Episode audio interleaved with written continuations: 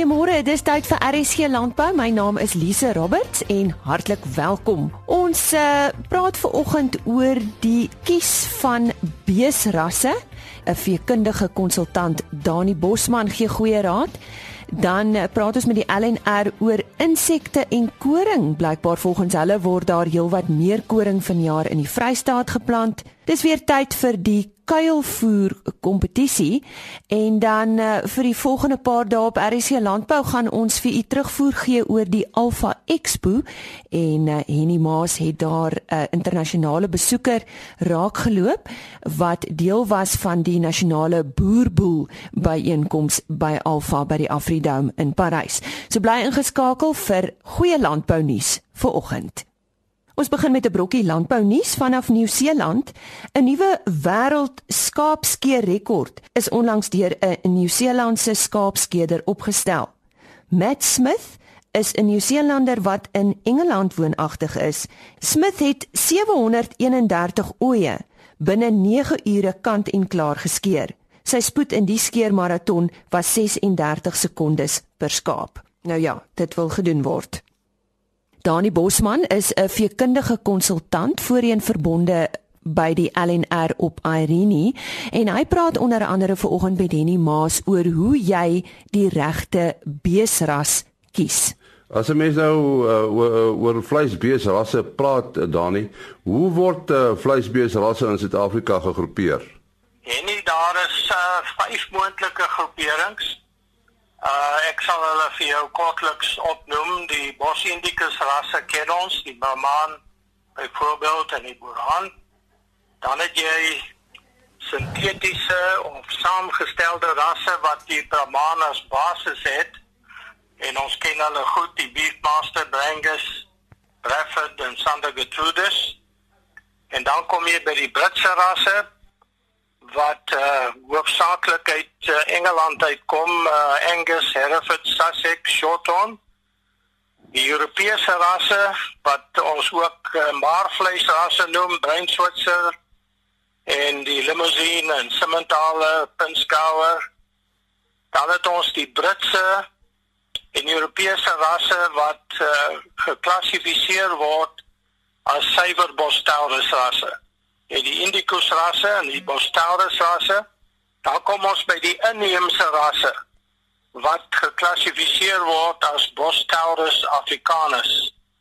En ons ken hulle goed, dis die Drakensberger, die Afrikaner, die Bonsmara, die Nguni en die Tuli. En hierdie rasse is die oudste rasse wat ons in Suid-Afrika het. Nou kan jy 'n bietjie gesels oor die belangrikste aanpasbaarheidseienskappe van inheemse rasse soos byvoorbeeld die Drakensbergers? Ja, die die Suid-Afrikaanse omgewing is natuurlik 'n moeilike omgewing. Uh dis dis warm, dis droog by keer. Daar's eksterne parasiete. So jou inheemse Afrikaanse rasse het oor tyd uitstekende eienskappe vir aanpasbaarheid ontwikkel. Hulle moes dit doen om te oorleef in baie opsigte. So enige bees is gemaklik by 'n uh, omgewingstemperatuur hier van 4 grade tot 27 grade Celsius. Sodra die temperatuur styg na 35, 38, 40 grade soos die afgelope somer, selfs in die Vrystaat, dan moet die dier oor sekere eienskappe beskik wat hom aanpasbaar maak. Hy moet dit kan hanteer. Dit sluit in en ek gaan net so twee of drie noem 'n respiratoriese bouvorm. Dis 'n bouvorm soos 'n rugbybal oor sy middelstuk sodat daar meer van die liggaam met die omgewing in aanraking is. Teenoor die uitheemse rasse wat 'n meer metaboliese ronde sokkerbal bouvorm het die uitheemse Bostelus rasse is ontwikkel in 'n gematigde klimaat en hulle is geteel om hitte binne te hou want dit is koud. So die hele samestelling van die dier as jy ingaan op die fynere detail is anders as jou aangepaste subtropiese en tropiese diere.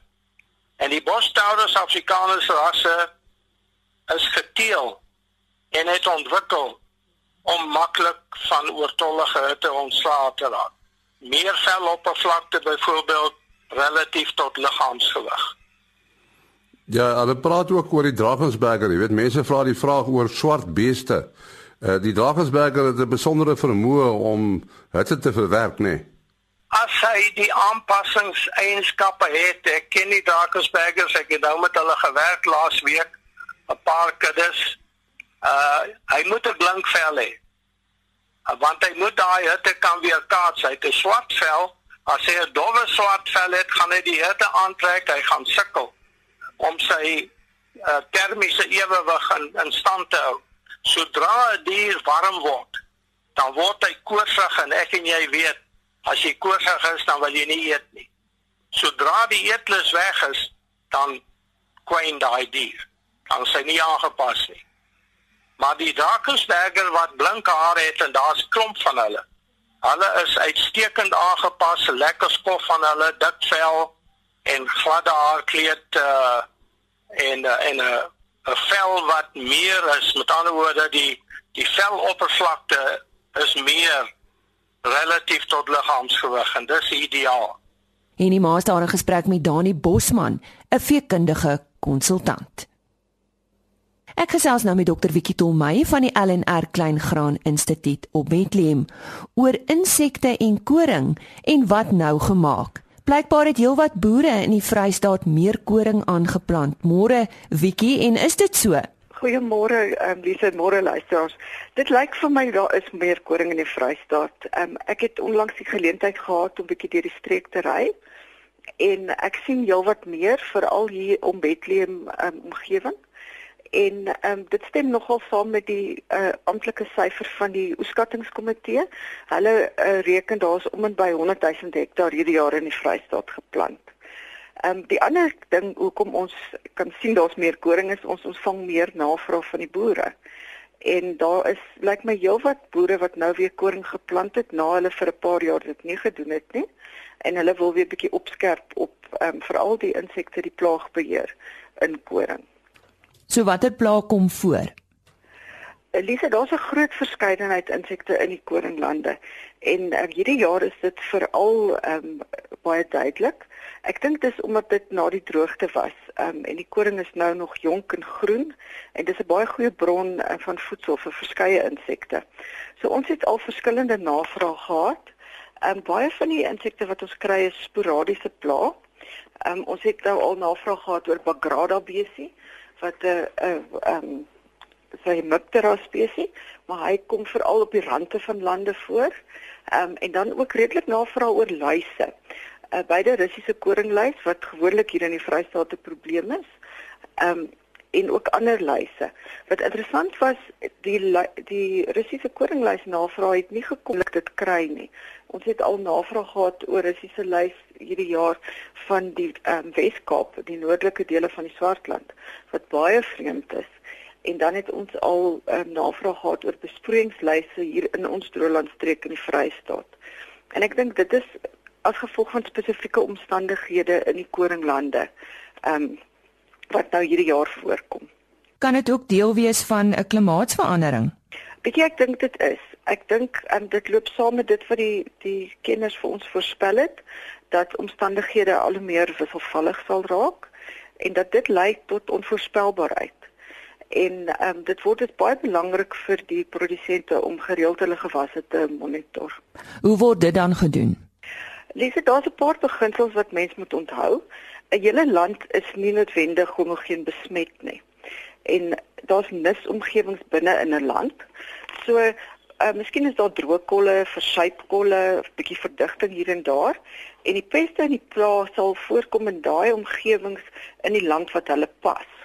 So vir die produsent om te bepaal hoe besmet die land is, moet hy kruis en dwars oor die hele land loop.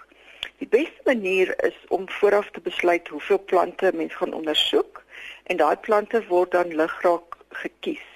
So mense sê byvoorbeeld ek gaan 50 plante tel in hierdie land en mens stap 'n 'n patroon oor die land um, en jy tel sien maar elke 5de tree of elke 20ste tree, kyk jy na die plant by jou linkervoet en dan tel jy uit die 50 wat jy ondersoek hoeveel van hulle is besmet met insekte of siek. En dan kan mens die probleem presies kwantifiseer. Dit maak dit makliker om die riglyne toe te pas wat bestaan, want daai riglyne is op wetenskaplike inligting gebaseer. Nou, hoe kry mense hierdie riglyne? Hoe werk dit? Ehm um, die riglyne word gepubliseer. Ek dink die maklikste plek vir mense om dit te bekom is in die ehm um, jaarlikse produksiehandleidings wat deur die LNR gepubliseer word. Die handleidings word in harde kopie aan ehm um, koringboere ge gepos, maar dit is nou wel so dat sommige mense het nie gekry nie. Die persone kan dan op die LNR se webwerf gaan kyk vir die handleidings. Die webwerf is www.irc.agric.za en dan kies mens quick links en small grains en dan sal mens sien die die handleidings is daar baie maklik beskikbaar. Daar's Engels en Afrikaans vir beide die somerreënval en die winterreënvalstreke. So Dit is nie altyd maklik om daai besluit te neem nie.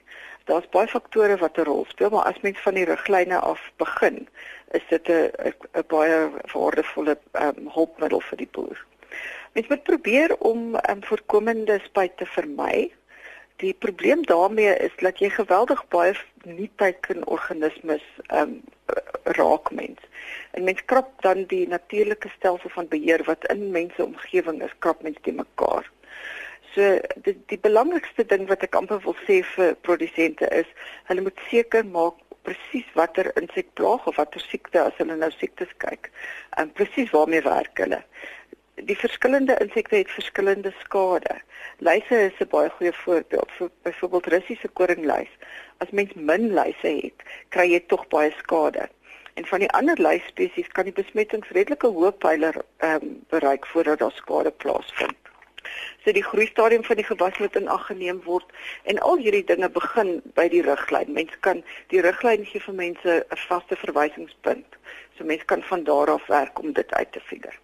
Maar wie gee dit moontlik vir almal om verskillende luise en siektes uit te ken? Moet mens nie 'n spesialis wees nie. Ek dink dit is makliker as mens dit studeer het en jy is 'n spesialis. Lise, maar ek dink dit is tog moontlik. Ehm um, en al is dit dan met die bystand van kenners. Oor die algemeen is ons Suid-Afrikaanse boere baie goeie waarnemers. En ehm um, as hulle ons skakel, die daar's 'n groot groep navorsers by die LNR wat beskikbaar is om mense te help en hulle is baie welkom om ons te kontak. Nou, die verskillende insekte het kenmerkende eienskappe en ook nogal gewoontetjies. Sommige van hulle sit bo op 'n blaar, sommige van hulle verkies onder 'n blaar. En as die boere die waarnemings kan maak en vir ons die inligting kan gee, dan kan ons um, redelik maklik die plaag um, baie akkuraat identifiseer. Nou die ander ding wat baie help is die moderne tegnologie. Ons selfone is wonderlik. Ehm um, foto's kan gestuur word. So as mense foto het en ons kan bietjie praat en ehm um, hoor waar sit die insek, ehm um, hoe groot is die plante, dan is dit baie maklik om mense te help om om die regte besluite te neem. Maak dit nie saak watter kultivar geplant is nie? Ehm um, nie altyd nie. Lees dit die heel belangrikste is dat die produsent weet wat die eienskappe is van die kultivar wat hy geplant het.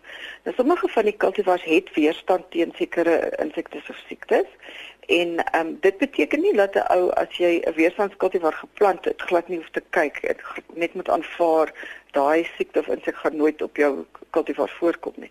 Mens moet nog gereeld gaan kyk en ehm um, beide die insekte en siektes ehm um, kan wat ons noem of 'n biotipe in die geval van 'n insekte of 'n patotipe in die geval van 'n siekte. Ehm um, kan hulle vorm en dit is 'n dit is 'n weergawe van daai spesifieke insek of siekte wat die weerstand in die plant oorkom. So kultivars wat eintlik weerstand gehad het, um, is dan teen die nuwe tipe vatbaar. Ehm um, so dit is problematies. Ehm um, 'n mens moet dit dophou. Ehm um, maar as mens daai inligting het en jy weet net hy's veronderstel um, om weerstand te wees of hy's nie veronderstel om weerstand te wees nie, help dit baie um, met die die ondersoeke. 'n Bietjie vertel ons bietjie meer van biotipes. Dit klink nogal interessant. Ek gaan oor Russiese koringlys biotipes praat want dit is vir my ons werk um, die spesifiek. Hulle word uitgeken aan die reaksie van spesifieke kultivars of lyne. Ehm um, so met besmet die line of cultivars met die insekte wat jy wil ehm um, bestudeer en weet wat 'n biotipe is dit en dan gebaseer op die reaksie van daai lyne sê mens ja dit is hierdie of daardie biotipe. Dit is nie moontlik om ehm um, na die lyse te kyk en te sê dis biotipe 1 of 2 of 3 of 4 nie. Ons het 4 ehm um, hier in Suid-Afrika. Ehm um, en selfs met moderne molekulêre tegnologie is dit nie moontlik om dit te doen nie. So ons het 'n uh, baie oulike laboratorium hier by ons wat ons klomp um, ek wil amper sê soos daai CSI televisie reeks doen ons nou maar net plantgenetika en ons het nou al die lyse ook al hier deurgewerk. Ehm um, ons kry dit nie reg om hulle uh, molekulêr uit te ken op hierdie stadium nie. En dis nogal 'n internasionale probleem. Russiese koringlyse is onlangs in Australië gevind. En hulle het nou hulle lyse al getoets in alle rigtings en hulle kan nou nog nie bepaal presies waar dit daai een wat hulle het vandaan gekom nie. So dit is dit is nogal 'n interessante ding op biotipe. En uh, wat doen Australië dan nou? Wel, hulle is nou omtrent vir ons 30 jaar terug was lees. Hulle ehm um, spuit nou voorlopig en ehm um, dit is 'n ernstige plaag, so daar word nou ook baie aandag aan die weerstandstelling gegee. En ons hoop dat ons um, hulle sal kan bystaan waar ehm um, daar is mense wat ons al gekontak het en dan ehm um, sal ons nou die raad gee wat ons het. Maar op hierdie stadium gebruik hulle presies die raad wat ek nou vir jou verduidelik het van die spuitery. En uh, dit is iets wat mense altyd maar in gedagte moet hou. Bepaal die besmetting akkuraat, bepaal presies wat dit is en dan moet mens na die riglyne gaan kyk om te bepaal wat gedoen moet word. Wie gee net vir ons ter afsluiting 'n uh, algemene kontaknommer vir julle? Die nommer hier by Kleingrond Instituut is 058 307 3400. Van die LNR Kleingraan Instituut daar op Bethlehem, Dr. Vicky Tolmey. Die sameroeper van die kuilvoer kompetisie is Richard Venter en Henny Maas het met hom hieroor gesels. Eh, die kuilvoer kompetisie eh, die is al 'n hele paar jaar aan die gang, né, nee, Richard? Uh, ja, Henny, uh, dit is die Santam Landbou Nasionale Kuilvoer kompetisie uh, wat ons in samewerking met Veeplaas en Stokfarm aanbied. Is nou in sy derde jaar hierdie jaar. En die belangstelling het waarskynlik gegroei oor die uh, die 3 jaar. Ons het gevind dat die belangstelling uh, dramaties toegeneem het. Uh, alhoewel ons hierdie jaar as gevolg van die droogte en die impak wat dit op ons boere gehad het, ongeveer dieselfde hoeveelheid inskrywings as verlede jaar het, maar dit is 'n gesonde hoeveelheid inskrywings so tussen 40 en 50. En wie is die mense wat inskryf? Ja, enige boer wat veilvoer maak kan dan nou inskryf. Ehm um, melkbore, voerkrale, selfs 'n wildboer wat uh, voer gebruik in 'n quarantynestasie vir wild en die insetverskaffers uh, maatskappye wat 'n rol speel op daai plaas in kuilvoer. Hulle skryf dan nou so hulle kliënte in. Hulle gaan deur 'n basiese seleksieproses om die beter kliënte te identifiseer of die beter kuilvoer dan nou. So dit kan nou 'n landverskaffer wees of 'n plastiek of 'n saadmaatskappy of selfs 'n voermaatskappy, iemand wat 'n rol speel in daai kuilvoer en hy ehm um, uh, uh, skryf dan sy kliënt in. En, en watter soort kuilvoer word beoordeel? Enige soort kuilvoer kan ingeskryf word. Dis hoofsaaklik kry ons mielie kuilvoer, voersorgum en ook haver kuilvoer inskrywings. Uh, maar ons hoop ook om in die toekoms uh, kuilvoer soos gras en besering kuilvoer te kry. Is daar uh, vanjaar nou 'n nuwigheid uh, wat die kompetisie betref? Wel ek dink wat ons hierdie jaar spesifiek uh, na uitsien is ons het 'n uh, goeie toename in uh, voersorg en kuilvoer inskrywings wat beteken dat die eerste keer gaan daar 'n voersorg en kuilvoer kategorie op sy eie wees wat dan vir mense sterk datastel gee en 'n goeie wenner wat ons daar kan aankom. En as jy mense nou praat van kuilvoer, aan watter vereistes moet goeie kuilvoer voldoen? So in die breë trekke het 'n goeie kuilvoer 'n lae pH onder 4 sy droommateriaal inname of uh, skus sy droommateriaal inhoud is ongeveer 35%. Dit kan uh, redelik varieer rondom daai syfer, maar dit is altyd maar daar rond. Uh dis 'n kuilvoer wat stabiel is wanneer dit blootgestel word aan lug om sy voedingswaarde te behou. Uh, hy het fyn en kort partikels wat kompaksie en inname bevorder en hy's baie smaaklik, so hy het 'n goeie vlugtige vetsuurprofiel wat dui op 'n goeie fermentasie en dan dit lei dan tot goeie smaaklikheid. En, en wie is nou die kundiges wat die beoordeling doen? Die beoordeling uh, geskied volgens 'n formule, so daar's studente van verskillende tersiêre instellings wat ons dan help met die met die met die monsterneming. Hulle neem dan nou monsters op die plaas streng volgens 'n protokol.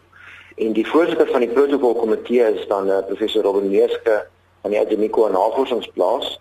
Hy is dan van die begin af uh, van die kompetisie by ons betrokke en ook aan die voorsitter van die komitee. Hy het op die formules en dan ook die beoordeling riglyne uh, daar gestel. So wanneer die data dan deur die formule is en dit verwerk word, dan is hy die ou wat uiteindelik na die finale syfers kyk en ook na daai topplase om dan nou te kyk uh, of hulle waardige wenners is. Uh, is daar nou al finaliste aangewys? Ehm uh, nee, ons is nog nie by finaliste nie. Ons is tans besig met die monsterneming. Die monsterneming in die Noordstreek maak klaar uh donderdag die 22 Augustus het dit klaar gemaak.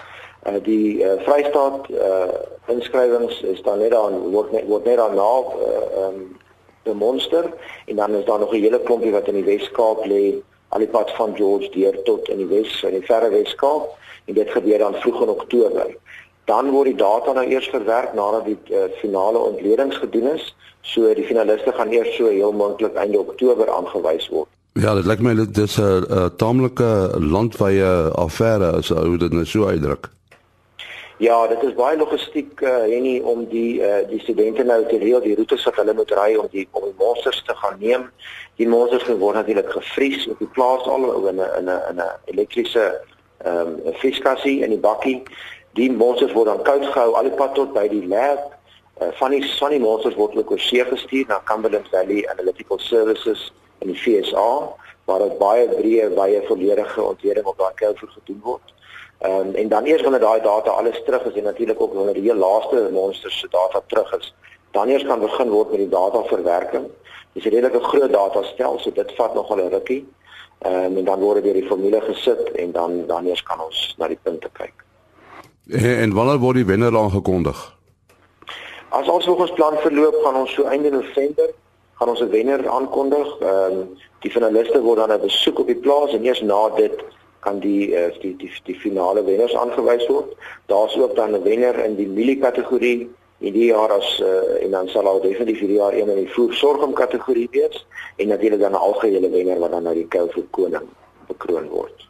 Richard Venter daar in gesprek met Henny Maas en hy is die sameroeper by vanjaar se kuilvoer kompetisie. Nog landbou nuus vanaf Nieu-Seeland. In Nieu-Seeland het 'n raad op skaapprodusent 'n gebruikte hommeltuig gekoop om skaapwagter te speel vir sy sowat 2000 skape. Die hommeltuig is toegerus met alarms om 'n oogie oor die skape op sy 12000 hektaar plaas te hou. Die tuig word ook gebruik om die skape bymekaar te maak en aan te jag. Die Suid-Afrikaanse nasionale boerboel kampioenskappe het Saterdag tydens die Alfa byeenkoms uh, op Parysplaas gevind. Ons gesels met uh, een van die besoekers aan uh, hierdie byeenkoms en dit is Nancy Peters wat van Nederland afkom. En ons het vir haar gevra hoekom sy as Nederlander so belangstel in die boerboel. Wij hebben die hond, hebben, is in 1990 naar Nederland gekomen. En daar waren maar een paar. Maar natuurlijk zijn er liefhebbers in Nederland. En die hebben uh, belang bij die honden. En zij zijn met die honden gaan telen. So die honde is uh, nogal populair in Nederland. Die hond, ja, die boer is zeer populair in Nederland, ja. Waarom is die honde zo populair? Uh, zij zijn uh, een vriend en zij uh, zijn goede wachters. En uh, zij zijn een familyhond. Uh, ik neem aan dat jij zelf een boerboel hebt. Ja, ik, uh, ik, ik teel ook met die boerboels en ik heb zeven honden bij die huis. En wat een omgeving in Nederland woon jij? Ik woon in het zuiden van Nederland. Brabant? Ja, in Brabant, inderdaad. Ik ben van Brabant. Nou, jij, jij hebt nou Alfa bijgewoon in die boerboelkampioenschappen. Hoe heb jij dat gevonden? Uh, het is prachtig hier. Wij zijn uh, donderdag zijn wij geland in Johannesburg en naar Parijs gegaan. En diezelfde avond hebben wij een heeft SAPS en ik was uitgenodigd door Roma om deel te nemen aan een prachtige uh, diner en presentaties van winnaars van die bulls van die Alpha Expo Week. Is dit jouw eerste bezoek aan Zuid-Afrika? Vier jaar geleden ik was in Kaapstad. Ook alleen voor die boerbulls. Ik was alleen één weekend daar. En nu ben ik ook maar één weekend hier. Ik ben niet, uh, alleen vijf dagen hier. Die, die, die boerbulclub in Nederland, groei, groeit die? Ja, dat wordt steeds groter. De boerbul is uh, zeer populair in Europa en in Nederland. Dat wordt steeds groter, ja. Maar jy sê Europa, so in in ander lande uh, is daar ook boerboel belangstelling. Ja, zeker. Ik denk Nederland, daar is de meeste belangstelling in Europa. Maar in, ook in Duitsland en in België en in Scandinavië en ook Oost-Europa, daar hebben de, uh, veel mensen de boerboels uh, gevonden. En zij zijn ook uh, zeer betrokken bij de boerboelras. Ja. wij zijn vandaag, hier zijn 250 boerboels op de show. En dat is heel veel. In Nederland zien wij nooit zoveel boer-boers bij elkaar. Zo, dat is prachtig voor ons om te zien hier in, in, in Zuid-Afrika. Dus wij zijn blij, wij hebben die reis gemaakt. Dit was dan uh, boerboelteler uit Nederland, Nancy Peters, wat ook besoek afgelê het tydens die Alpha byeenkoms op Parys toe die nasionale boerboelkampioenskappe plaasgevind het. Hendrik Skuman is 'n man wat in die hondekosbedryf is en trouens hy borg ook die nasionale kampioenskappe. Hendrik Skuman van Woema. Ons het hom gevra hoe hy betrokke geraak het by die boerboelras. Ehm um, kort nadat ek met die produk begin het, het ek betrokke geraak by een van die kleiner uh, boerboelverenigings, Ibasa, en van hulle lede het my produk begin gebruik en so het my betrokkeheid by die uh, uh, keringsprosesse en skoue van die boerboergenootskap SABBS uh landwyd uh wat ek betrokke geraak het.